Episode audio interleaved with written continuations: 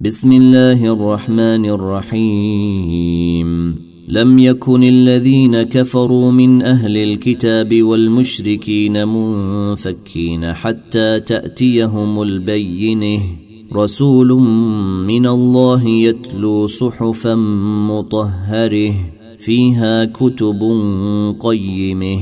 وما تفرق الذين أوتوا الكتاب إلا من بعد ما جاءتهم البينة وما أمروا إلا ليعبدوا الله مخلصين له الدين حنفاء ويقيموا الصلاة ويؤتوا الزكاة وذلك دين القيمه إن الذين كفروا من أهل الكتاب والمشركين في نار جهنم خالدين فيها.